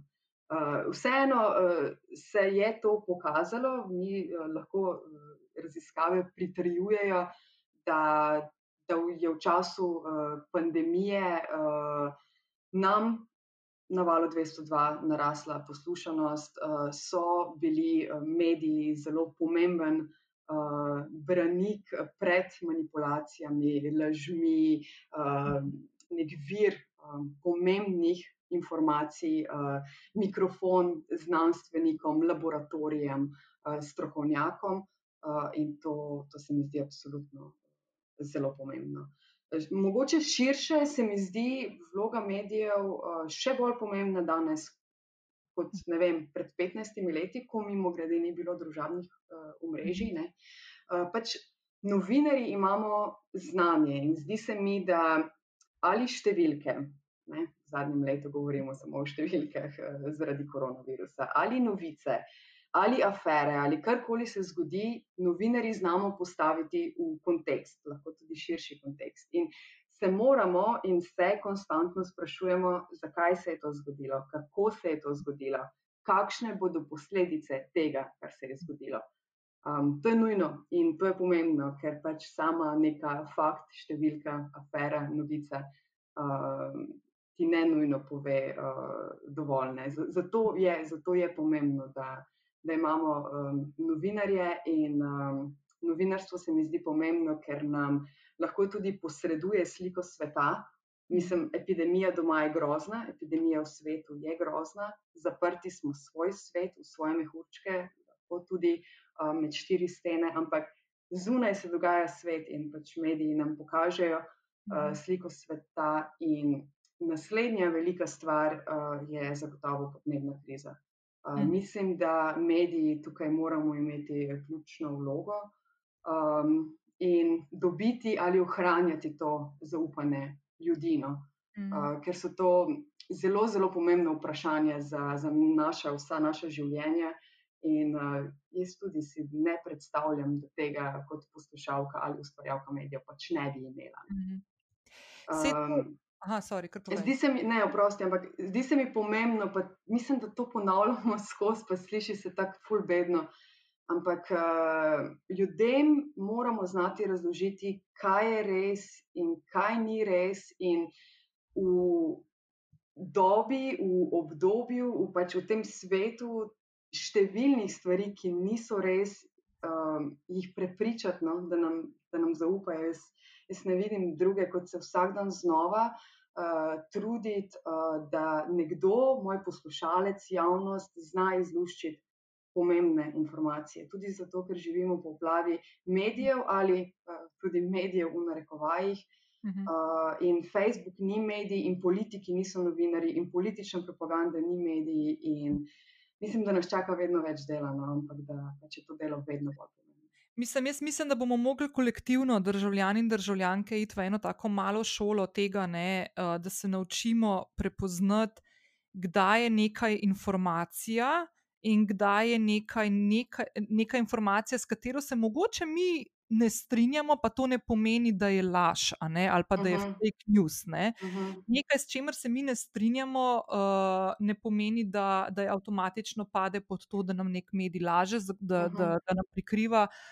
Uh, in to, za, za, zato sem jaz blazno jezna, ko naprimer opazujem, nažalost, zdaj tudi pri nas. V zadnjem letu smo se tega zelo lepo v navednicah nalezali, uh, konkretno naprimer iz ameriške družbe, pa tudi kakšne bližje nam. No, uh -huh. uh, da se te diskreditacije, da je postal tako nacionalni šport, je postal uh, v diskreditiranju uh, medijev ali pa novinarjev, urednikov ali pa tem. Uh, ali pa ljudi, ki spremljajo določene uh, medije, in se mi zdi to tako na dolgi rok nam bo to toliko škode naredilo, da, da ne vem, kako bomo iz tega izplavali. No? In, a veš, in tudi poslušati tebe, naprimer, kar rečeš, tako da ti kot novinarka uh, se konstantno.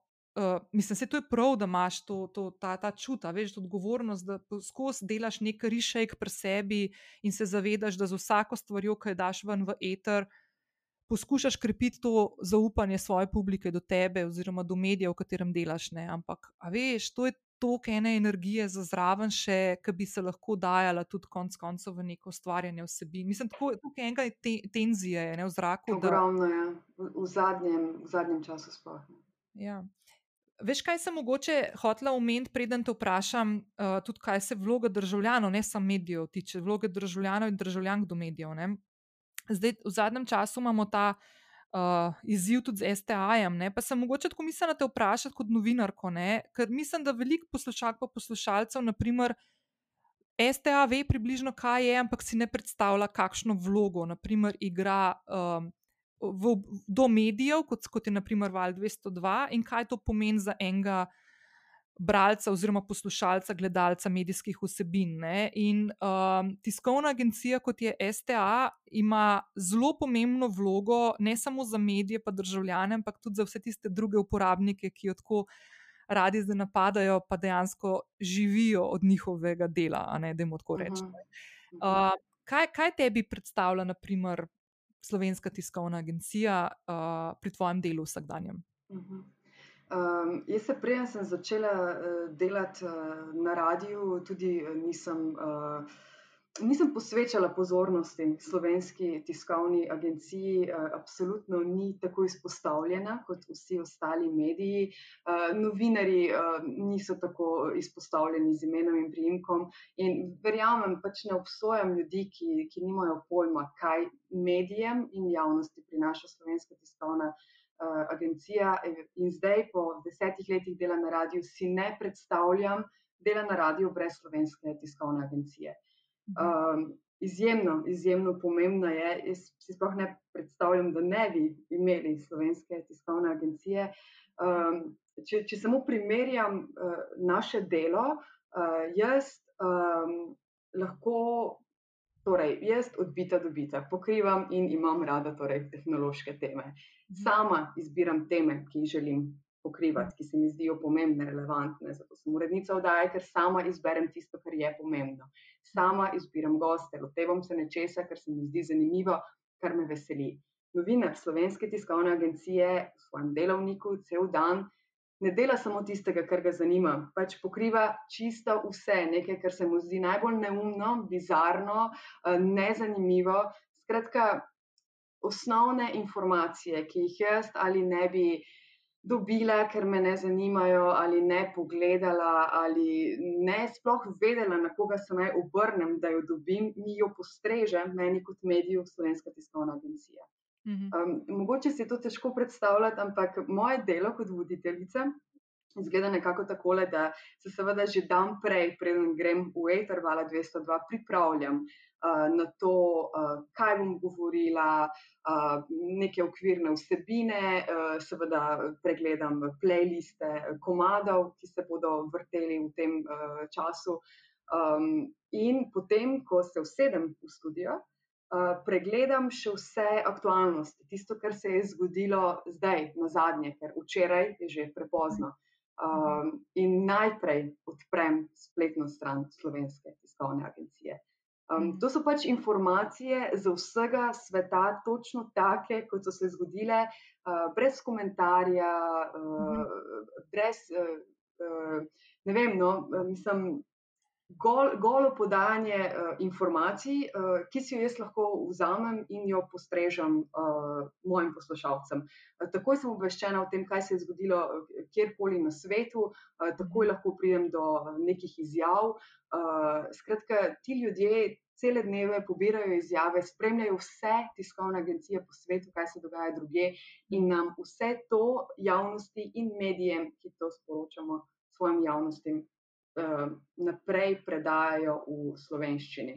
V, v popravilih uh, profesionalnega novinarstva, brez napak, mislim, točno tako jaz lahko vse to berem v eter, če želim, od uh, prve velike začetnice do zadnje uh, pike, ker to zgleda tako um, profesionalno, dobro, verodostojno narejeno.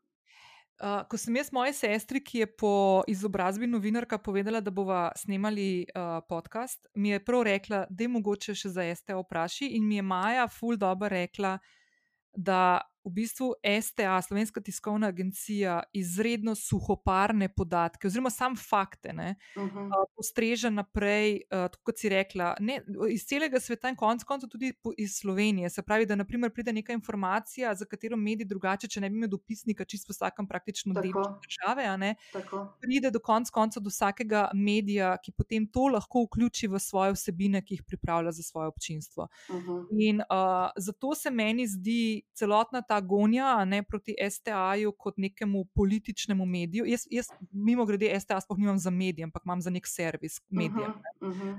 in drugim uporabnikom. Ampak um, da se taka politična gonja dela proti nekomu, ki dejansko glavnino stvari dela suhoparne podatke in fakte, ne, se mi zdi tako res, res um, ja, pa veliko enega zavajanja enih občinstv tukaj, ki zdaj iz nekih ne znan, uh, kaj sploh STA je in kakšno vlogo ima in igra, ne, uh, se tukaj dela eno kupeno, en, en, en tak, eno tako grdo umazano igro, ki nikomor ne koristi na dolgi rok, če si iskreno. Ne.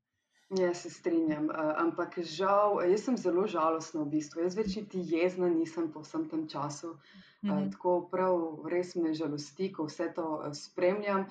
In ful se mi zdi bedno, ker niti ni nič izvirnega. Mislim, vsi ti napadi so skupirani, že prej si omenila mhm. države, daleč ali blizu.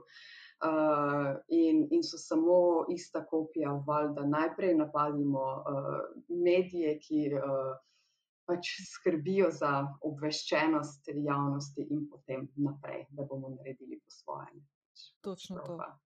Zdaj, še dru, en drug vidik, ki se mi zdi ful pomemben pri medijih, pa pri tem, da nam je kot družbi pomembno, da imamo močne, stabilne, neodvisne medije, uh, ki delajo za nas, v bistvu, rečemo tako. No, je, da tudi državljani in državljanke se zavedamo svoje vloge. Ne. Zdaj, jaz tako ful velikrat povem, naprimer v prvi vrsti svojim naročnikom, ki jih izobražujem, kako komunicirati z mediji da prva stvar, ki je, je, da je tudi njim v interesu, da mediji so čim, boljš, čim boljši, čim bolj močni in da jih je na trgu čim več, kar je sicer nažalost uh, kontra temu, kaj se v realnosti dogaja. In zdaj, če pa malo pogledamo, ne, kakšna je tudi naša vloga. Ne, Je, da mi medije lahko tudi krepimo s tem, kako se obnašamo do medijev. Prvo, to, da pač jih spremljamo, ne, se pravi, gledamo, poslušamo, beremo, uh, da plačujemo, naprimer, konkretno prispevke RTV-ja, ker je to tudi mhm. zakonsko, tudi če nimaš doma televizije, lahko radio Val 202 Marušino dajo, poslušaš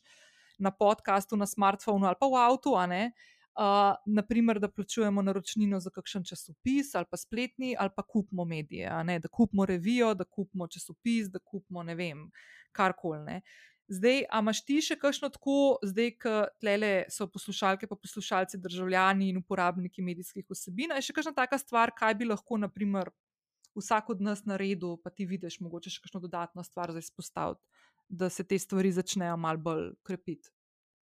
Uh, ja, mogoče vse to, kar si omenila, pa uh, mogoče izpostavljanje dobrih uh, praks. Um, zdaj ustvarja se neko tako mnenje, zato ker je pač glasno, ekstremno in kričeče, da je večini državljanov problem plačati uh, zakonsko dolo, uh, določen RTV prispevek. Jaz si še vedno rada mislim, mogoče spet preveč optimistično in naivno, um, da, da ni to problem večine državljanov v tej državi. Čeprav se pač v tem trenutku tej uh, politični uh, opciji zdi tako. Um, jaz verjamem, da večina državljanov misli nasprotno, uh, ampak samo tisti, ki uh, si tega ne želijo početi, so bolj glasni, z bolj željivimi, z bolj ekstremnimi mnenji, s plačanimi in lažnimi všečki in vse to, kar itak vemo, in so zato bolj v spredju kot vsi ostali, ki smo mogoče na to temo raje tiho, na Twitterju, na Facebooku ali kje drugje. Um, mogoče več tega povezovanja, oh, kako ne v redu, tudi preveč politizirana beseda. mm. Ampak uh, glasnega opozarjanja, no, um, da je prav, da je nujno potrebno biti aktiven državljan um, in, in podpreti uh, demokracijo, in to pomeni, da, da je dobro, če je le možno uh, podpreti dobre medije. No. Jaz tudi si mislim, da če lahko plačam Netflixu, pa Spotifyju, zakaj ne bi še pod črto, pa inštitutu danes je na odam, pa na ja. revijo Global sem naročena in tako naprej. In tako ja. naprej no. No, evo to. To, kar sem jaz v prejšnji epizodi tudi rekla, ne, da mi, nam bi moglo biti kot državljanom, mi bi se mogli kolektivno zgroziti, ko slišimo od nekoga, ki bi mogel biti vzgled v prvi vrsti vsem ostalim državljanom, tudi pri svojem obnašanju v zasebnem življenju, uh, ko naprimer reče in napade to, da se pač konkretno, naprimer, RTV prispevka ne plačuje ali pa da, da je kakšen frajer, je, ki ga ne plačuje. Ne. Meni uh -huh. se mhm. naprimer, to zdi ena taka stvar. Um, Škandalozno se mi zdi, naprimer, pustimo pač, da eni potem to podpihujejo in jim je to fajn in tako, ampak jaz še vedno tudi mislim, da je to manjšina, ki je sicer glasna in agresivna verbalno, uh -huh ampak vsi ostali se mi pa zdi tako absolutno uh, tragično, iskreno, no? da, sm, da smo pretiho, ne? da se nam ne zdi, ja. to, da, da moramo kaznova, kaznovati moramo tako obnašanje, ne? kaznovati magar, ne vem, z glasom na volitvah ne? ali pa. Mhm. Da izrazimo svoje nestrinjanje tudi po svojih kanalih, ker se mi zdi to re, res, ne vem, no, ja, škandalozno se mi zdi. Uh -huh, no, iskreno. Uh -huh. Ja, se strinjam. Ja. Kaj pa se ti zdi tako največji izziv novinarstva danes? Ja, uravnoteženost, ne, ne hecam se. Okay. Uh, res se hecam. Uh, izzivi so skozi, lokalni in globalni, se mi zdi, prav je tako, če ne bi nam spet bilo preveč dolg čas. Uh, meni se zdi, jaz sem o tem pisala magistersko nalogo in vedno, ko nagovarjam poslušalce, ki niso tako zelo mladi, ne, to vem, raziskave so pokazale, kdo so ljudje, ki poslušajo Val 202. Uh, ampak se vseeno vsak dan znova sprašujem, uh, kako nagovarjati ljudi, ki bodo poslušali radio, ker upam, da ga bodo. No. Uh, mislim, da, da nam tukaj največji izziv uh, predstavlja nagovarjanje mladega občinstva. Pravim, radio je skoraj dobesedno sto let star medij mm. in uh, povsem normalno je, da nas pač mladi ne izberejo kot uh, primarno možnost. Um, pa tudi sicer, no, starejši na poti, mogoče vozniki raje izberejo Spotify ali podcaste kot radio uživa. Mhm. Ampak zato je pač pomembno, da se mediji eh, prilagajamo. Če spet gledam skozi svoje oči, da Val 202 ima ponudbo eh, mhm. Podkastov, ki sledijo temu, kar lahko slišiš tudi na radiju. Skratka, eh, pravila nekega profesionalnega novinarstva, resne teme, obdelane na malo drugačne načine, da pač tudi tam znamo nagovarjati ljudi in se tako lahko obdržimo, če se teh izzivov ne lotimo, zdaj tako ali A jih ni, ali B smo se jih prestrašili, ampak se jih lotimo. Ne, mm. um, ne vem. Na drugi strani eh, se mi zdi, ali pa me skrbi, eh, kako bo novinarstvo uspelo se z vsem, kar zna, torej z dobrim novinarstvom, z dobrimi uh, projekti, preverjenimi informacijami, ostati v spredju ali se tja prebijati, če nas zdaj že uh, poskuša kdo povoziti. Um, zdaj, na zadnje sem um, brala to zelo svežo raziskavo Valikona o novi normalnosti. Mhm. Pokazala je, da marca lani je bil na drugem mestu zaupanja, torej vprašanje nekaj v stilu, komu najbolj zaupate. Na drugem mestu je bil marca leta 2020 Facebook. Pač to, to se mi zdi grozno. Um, in ljudje res verjamejo temu, kar vidijo na Facebooku uh, in kar berejo na Facebooku. In ja, tudi mediji smo na Facebooku ravno zaradi tega, ker sprejemamo uh, izzive in se selimo na različne platforme in znamo nagovarjati. Ampak še vseeno, spet, če nismo preveč ekstremni s svojimi mnenji, kričeči, uh, žaljivi, ne pridemo v uspredje.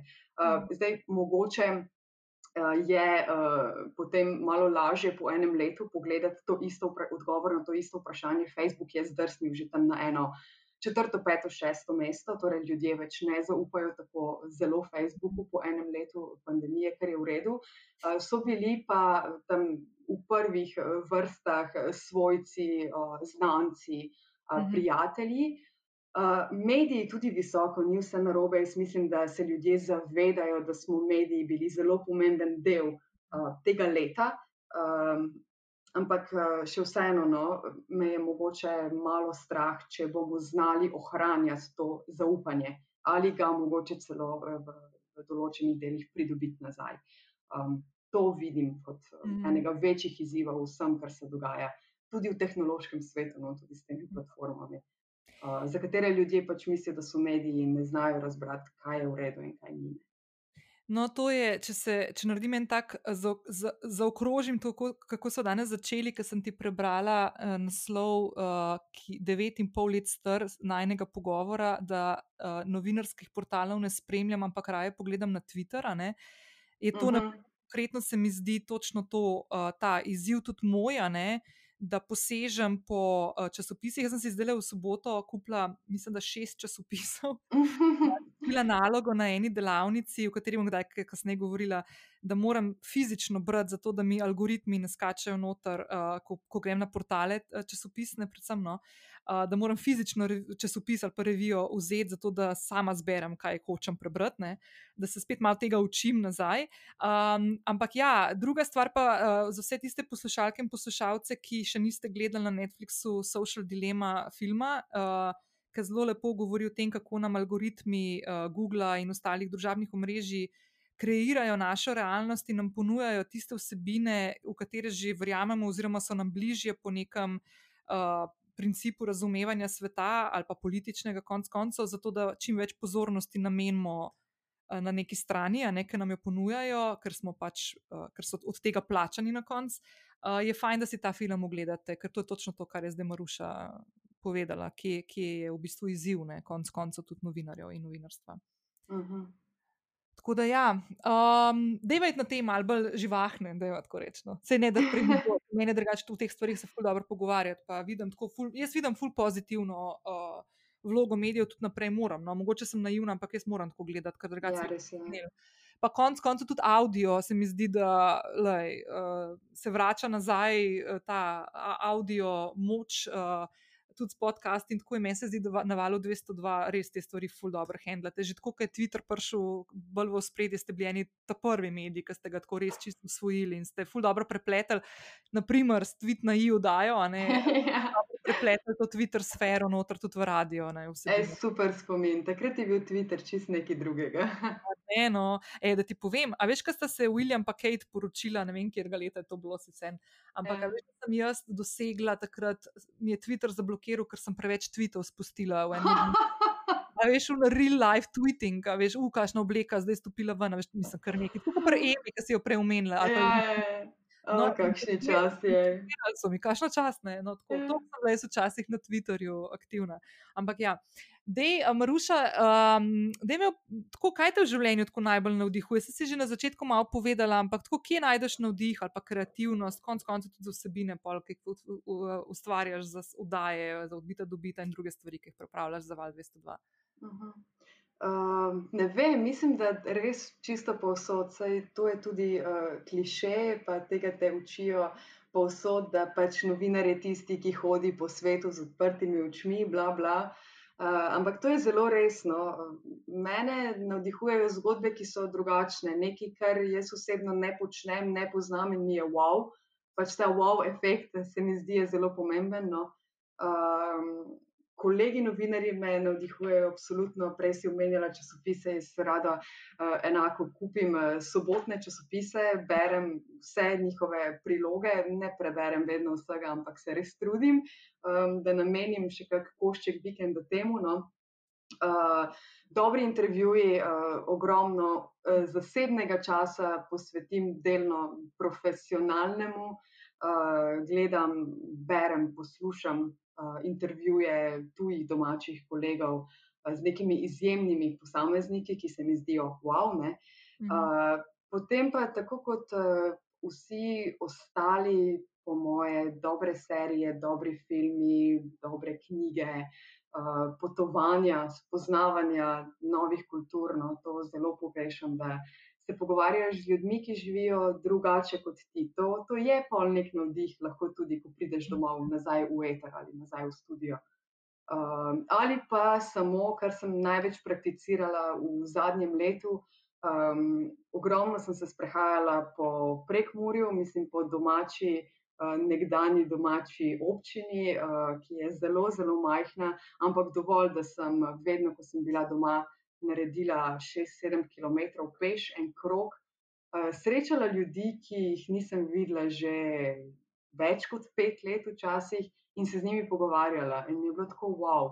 Uh, spet drugačno razmišljanje, drugačni pogledi, uh, ki ti lahko dajo navdih ali samo sprožijo v tebi to razmišljanje, no, tudi za tvoje delo. Um, tako da, ja, čist, čist nič posebnega. No? Hodim po svetu, pa probujem najti kaj zanimivega. No, zdaj, ki si umenila, zdaj, ki si umenila tudi knjige, pa filme, serije, podcaste, pa to bom te kar zdaj vprašala. A se kakšnega tako zdaj iz glave, tako spomniš, kakšne stvari v zadnjem času, ali pa ne vem, najbolj uh. življenja, kaj jaz bajdo in ne znam na to odgovoriti. uh, jaz tudi ne, po mojem. Uh, ogromno stvari sem pogledala v času epidemije, več kot sicer. Uh, sem kar rada bila zunaj, tudi po službi, meni nikoli ni bilo doma, Aha. zdaj pa sem skozi doma, v ja. službi doma in doma. doma. Uh, News of the World se mi zdi, uh, film na Netflixu, ki sem ga pogledala v zadnjem času, zato je še svež, uh, Tom Hanks v glavni vlogi. Uh, me je navdušil, se spomnim, uh, ena francoska serija, tudi na Netflixu, pač samo Netflix plačujem in sem omejena, ampak tega je preveč, da bi vse plačevala in enostavno moram malo zožiti te uh, izbore. Uh, Lupin se mi zdi, Aha. da je francosko ime ja. uh, enega uh, gentleman tata, ki uh, sem ga takoj vzljubila, ne? čeprav gospod je kriminalec. uh, pač, uh, dela ilegalno stvari, to seveda ni v redu, ampak je tak uh, gentleman thief uh, in je uh, takoj ti priraste k srcu, ker je pač dober po srcu in škoduje samo tistim, ki so slabi. Um, Robin Hood, ne? Ja, ja, ja Robin Hood. Ja.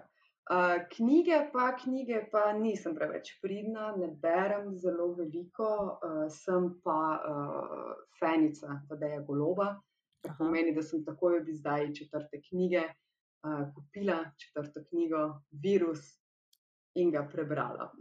Da mi povej, ali ti je šlo kaj na živce, ko to govori o, o, o COVID-u? Se ti zdi, da veliko? Pa ne vem, jaz sem, tako, jaz sem tudi ista, ne? jaz sem tudi decembra to kupila in v enem dnevu uh mhm. -huh. jedla celo.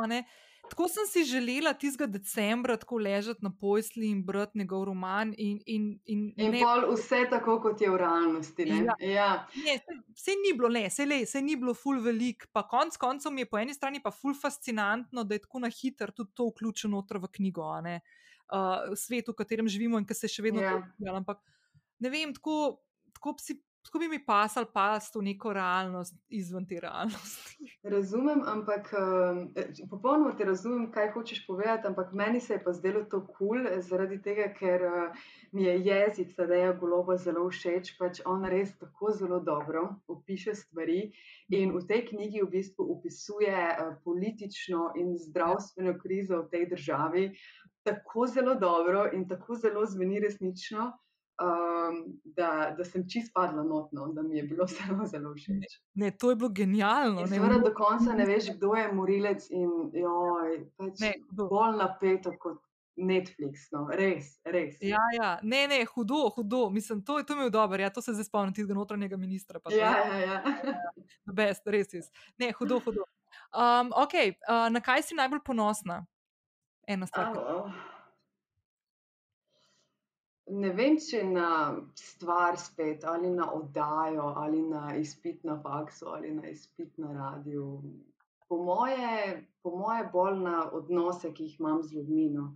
Uh, ker se mi zdijo zelo pomembni spet v tem letu. Vse smo se naučili, se mi zdi, upam, no. ali mhm. spet samo jaz po svojem mehurčku. Uh, pač res so pomembni odnosi z ljudmi in to, kako se z ljudmi pogovarjamo. Uh, in sem fulh hvaležna, da pač imam lahko tako odkrite in lepe odnose s partnerjem, z družino, s prijatelji, s sodelavci, uh, s šefi, ne na zadnje, pač z uredniško ekipo, ki je nad mano. Uh, to je pač zelo pomembno in verjamem, da vsi tega nimajo, in verjamem, da je drugače in težko in ni tako lepo, kot zdaj jaz venim v tem življenju, ampak. Uh, mogoče celo premalo govorimo o tem, no? kako nimajo vsi mhm. te sreče in kako so odnosi a, pomembni. Ja, meni se tudi zdi, da, to, da, da, da vlaganje v te odnose se je zdaj ful pokazalo v tem zadnjem letu, kako je. Uh -huh. Je to. Sploh to, naprimer, jaz to vidim pri sebi, ki delam od doma, pa sama živim doma in mi ta del družaben, ful manjka. Uh -huh. um, je res, res to se zdaj ful pokazalo, še toliko bolj. Uh -huh kadarkoli prej. Ne, da, ja. Jaz sem pred ta izziv bila delno postavljena že enkrat v življenju, eh, ker eh, številne moje prijateljske vezi trajajo eh, od rojstva ali pa od vrca ali osnovne šole, kar pomeni, da imam prijatelje v Prekmurju. Ti ljudje so se tudi razselili, ne nujno samo v Ljubljano. Uh, in je izziv vsa ta leta ohranjati uh, neke zaupanja, vredne odnose. In um, ja, tudi tokrat se je to pokazalo, kako je to pomembno. Pa veš, kaj meni še zanimivo, to lahko za sebe rečem. Kot sem jaz tako ful, pa to sem v prejšnji epizodi ful govorila, da jaz drugače spoštujem vse te ukrepe, ki so nam jih naložili, kar je sicer za eno osebo, ki je samska, pa, živi, pa dela od doma, bi bilo lahko pot v pogubo. Tudi, uh -huh, absolutno. Uh, da jaz na te sprehode, pa to sem hodila in hodim. Uh, ravno zdaj tečem na enega, ki mi dve zaključva uh, snemanjem. Uh, ampak je, kar mi je ful fascinantno, je, da sem jaz v tem letu tako ene, dva, tri zelo lepe odnose na novo tudi vzpostavila z ljudmi, ki so v zadnjem letu prišli praktično v moje življenje. In sem ful vesela, in se mi zdi kar mal noro, kot je bilo tako ful zapovedano. Uh, v bistvu na prvo, na prvo misel, ko pomislim, ne mogoče, da bi kakšnega človeka na novo spoznala, ampak Aha. sem. In, sem, in ravno te, te, te odnosi so tisti, ki poleg mojih teh prijateljskih in ki jih imam že dolga leta, in tako so mi ful veliko pom, pomenili, mi, mi še vedno ful pomenijo, tako tudi pri tem samo opazovanju sebe v neki novi realnosti. Uh, ful, veliko rastem skozi te odnose, se sama, mislim, razvijam, tako ful, ful, da bestno. Tako da moram prav reči, evo, da, da se tudi to dal, kot se mogoče ni izgledalo, da se bo. Ampak, ja, ja, super. Ja. Ja. Ok, uh, eh, čist na koncu, da mi poveš, ali imaš kakšno tako stvar, ki jo vsak dan narediš, poleg te tvoje, kaj si rekel, prej tri deci kave, ki jih spiješ zjutraj. Taka stvar, ki jo narediš vsak dan, ali zjutraj, ali pa kadarkoli v dnevu, da res rečeš, da je dober dan, ali pa da se bo pa lepo zapeljal ta dan. Mm, ej, občudujem tebe, ker vem, da imaš stalno, zgledno jutranjo rutino. In uh, občudujem vse ostale, ki to počnejo, ali vse ostale, ki se zgledujejo po tebi. Uh, meni pač to ne uspe, ne? nikakor ne, razen kave. Um, jaz sem kar odvisnica od kave, no? zelo mi je všeč okus, obožujem kavo. In veš, tista polona, polona šalca, ja, ja. Da, da, da je tri deci, ene tri imam uh, z različnimi uh, slavnimi ljudmi. Uh, Um, mislim, da je tri deci, no nisem prepričana, ampak več kot dva deci zagotovo. No, ta uh, polna šalca kave s čisto malo mleka mora biti moja obvezna uh, jutranja rutina, sicer ne morem govoriti ali početi karkoli drugega. Uh, sem pa poskusila, ne, uh, ker seveda sem ustrajna in lahko tudi jaz, če drugi, ker to je v redu, ker drugi tako pravijo z jogami, z sprehodi, z vsem, kar bom počela zjutraj, ker bo potem dan boljši in mi ne uspe. Dala mi je kolegica desetminutno jogo na YouTubu eno gospodično, ki za vsak dan 30-dnevni challenge pripravi 10 minut. Tega je, verjamem, ogromno na YouTubu, uh, ampak 10 minut se mi je zdelo dovolj, da bom našla motivacijo, ker pol ure vedno najdeš izgovor, pol ure je že ogromno in ne, nimam časa. Ne.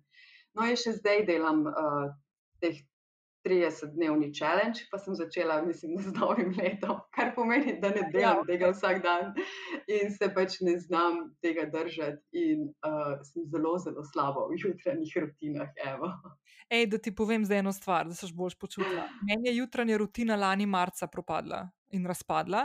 Ja, zaradi je, vsega, kar se je zgodilo, ne, verjetno. In se, in se nisem vrnila nazaj, oziroma ravno zdaj, ko to govoriva, uh, delam in pripravljam uh, prav tako strukturirano, kako se lotiti narediti neko rutino, ki te psede. Pa magar, da je to skodelica kave, pa ne vem, podcast zjutraj ali pa neki. Uh -huh. neki si, pa ne gre niti toliko za neko rutino ali kako mora biti dolga, ampak zato, da si začneš dan v nekem svojem ritmu, tako kot si sam zbereš. Ne, uh -huh. ne da ga delegira nekdo drug, ali mail, ki si ga dubo, ali social media, objave, ki jih vidiš, ali kako koli.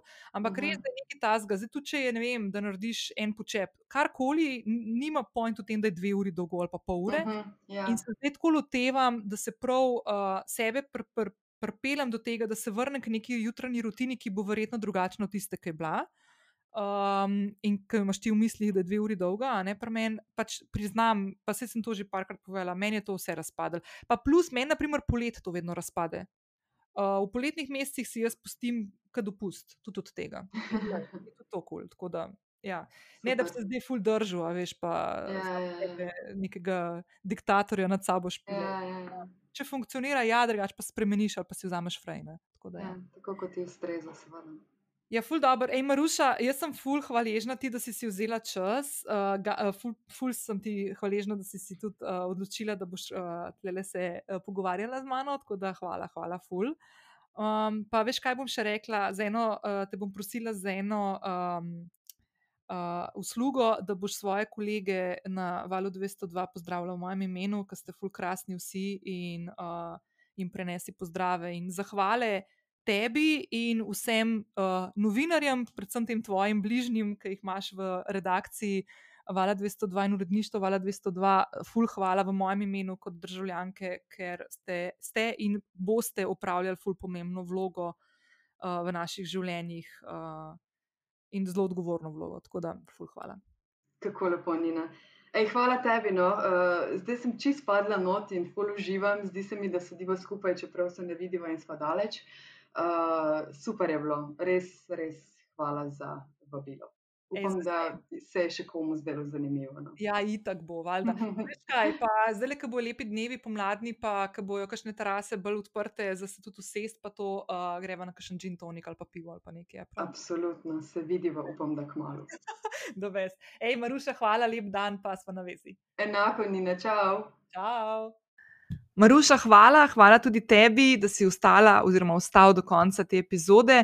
Um, jaz sem blazno vesela, tako kot sem že v uvodu povedala, da imam možnost in priložnost uh, klepetati uh, z navdihujočimi posamezniki, ki vsak na svojem področju premikajo meje, uh, postavljajo neke nove koncepte za razmišljanje, odpirajo nek prostor za odprt dialog uh, in predvsem um, so oni taki bom spet uporabljala to besedo, ker mi je tako lepa slovenska beseda, so spodobni državljani in državljanke, ne tega, kot si, po mojem, vsi malo več želimo v svojem vsakdanu.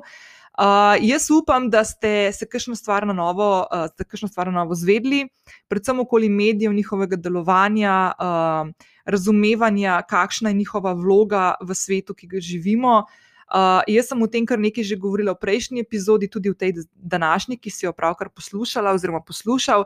Um, jaz z mediji delam že skoraj 15 let, um, mogoče včasih malo naivno, ampak vendar jih še vedno dojemam kot uh, četrto vejo oblasti, kot tisto, uh, tisto vejo, ki bdi nad stvarmi, ki se dogajajo in kritično z distanco opozarja na določene zadeve.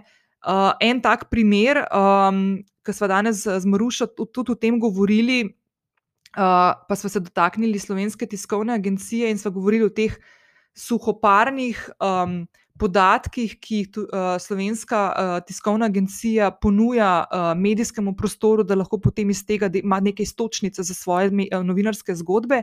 Ena od teh stvari v tem tednu, ki je bila izrazita, in jaz to snimam, kar še en dan, dva, preden bo šlo to v eter, in uh, mogoče se bo kasneje še kaj razvilo iz tega. Da, ampak v sredo, se pravi, dva dni pred uh, objavo tega podcasta, uh, smo ravno fino zakorakali v to, da se je razkrilo, uh, kako naša država ni kupila uh, cepiva na evropski ravni v drugem krogu decembra meseca. Um, To so take stvari, naprimer, če ne bi imeli tiskovne agencije, ki bi bdela nad poročanjem medijev tudi v tujini in te stvari potem prenesla v naše kraje, je vprašanje, če bi mi v, v celi tej norišnici propagandističnih uh, uh, in PR-ovsko nastavljenih uh, vsebin, ki jih občinstvo, mi, državljani in državljanke, dobivamo od politike, če bi te stvari dejansko prišle do nas.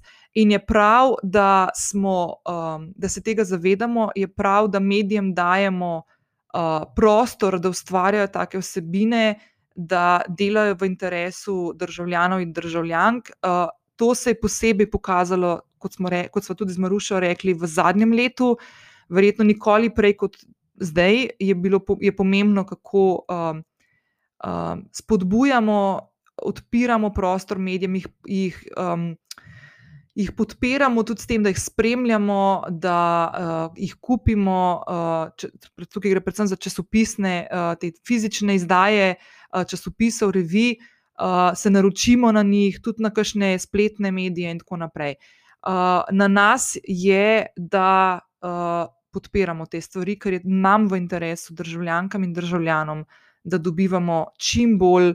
Uh, Ne bom rekla prečiščene, ker bo izgledalo drugače, ampak čim bolj korektne in konkretne informacije o tem, da si lahko potem ustvarjamo uh, svoje polje razmišljanja, kakršno koli to je, lahko je drugačno od tega, ki ga imam jaz, absolutno, uh, ampak da potem skupaj gradimo nek prostor, za spodobno komunikacijo, tudi takrat, ko se ne strinjamo. Uh, konstruktivna debata in diskurs je tisto, kar si želim, da bi se spet malo naučili delati in, in komunicirati med sabo, to, kar je malo zamrlo v zadnjih letih, uh, da nehamo uh, se kregati. Sploh po kakšnih družabnih omrežjih z žaljivkami, in tako naprej, ampak da poslušamo en drugega, spoštujemo mnenje en drugega in se o tem pogovarjamo, umirjeno, spoštljivo in podobno. To je to. Uh, hvala za poslušanje, hvala za tvojo pozornost, hvala Maruši za njen čas, uh, žameten glas in vse, kar je povedala. Um, in to je to. Uh, lep vikend in fajn skok proti koncu marca, kmalo se bo še dan podaljšal. Uh, za vse tiste, ki pa mogoče gledate, kaj gre gor proti zvezdam, uh, je pa 21. Uh, marec je uh, solstici, tako da če slučajno kakšen od vas dela kakšne rituale, uh, predlagam kakšno čiščenje prostora, uh, tako kot smo z mojco že klepetali, skadili. Uh, ali pa, ne vem, mogoče se pa tudi jaz lotim teh 108 pozdravov soncu, ker že dolgo nisem tega naredila. Bom poročala v naslednji epizodi. Lepo se majte, uživite, lep vikend. Ciao!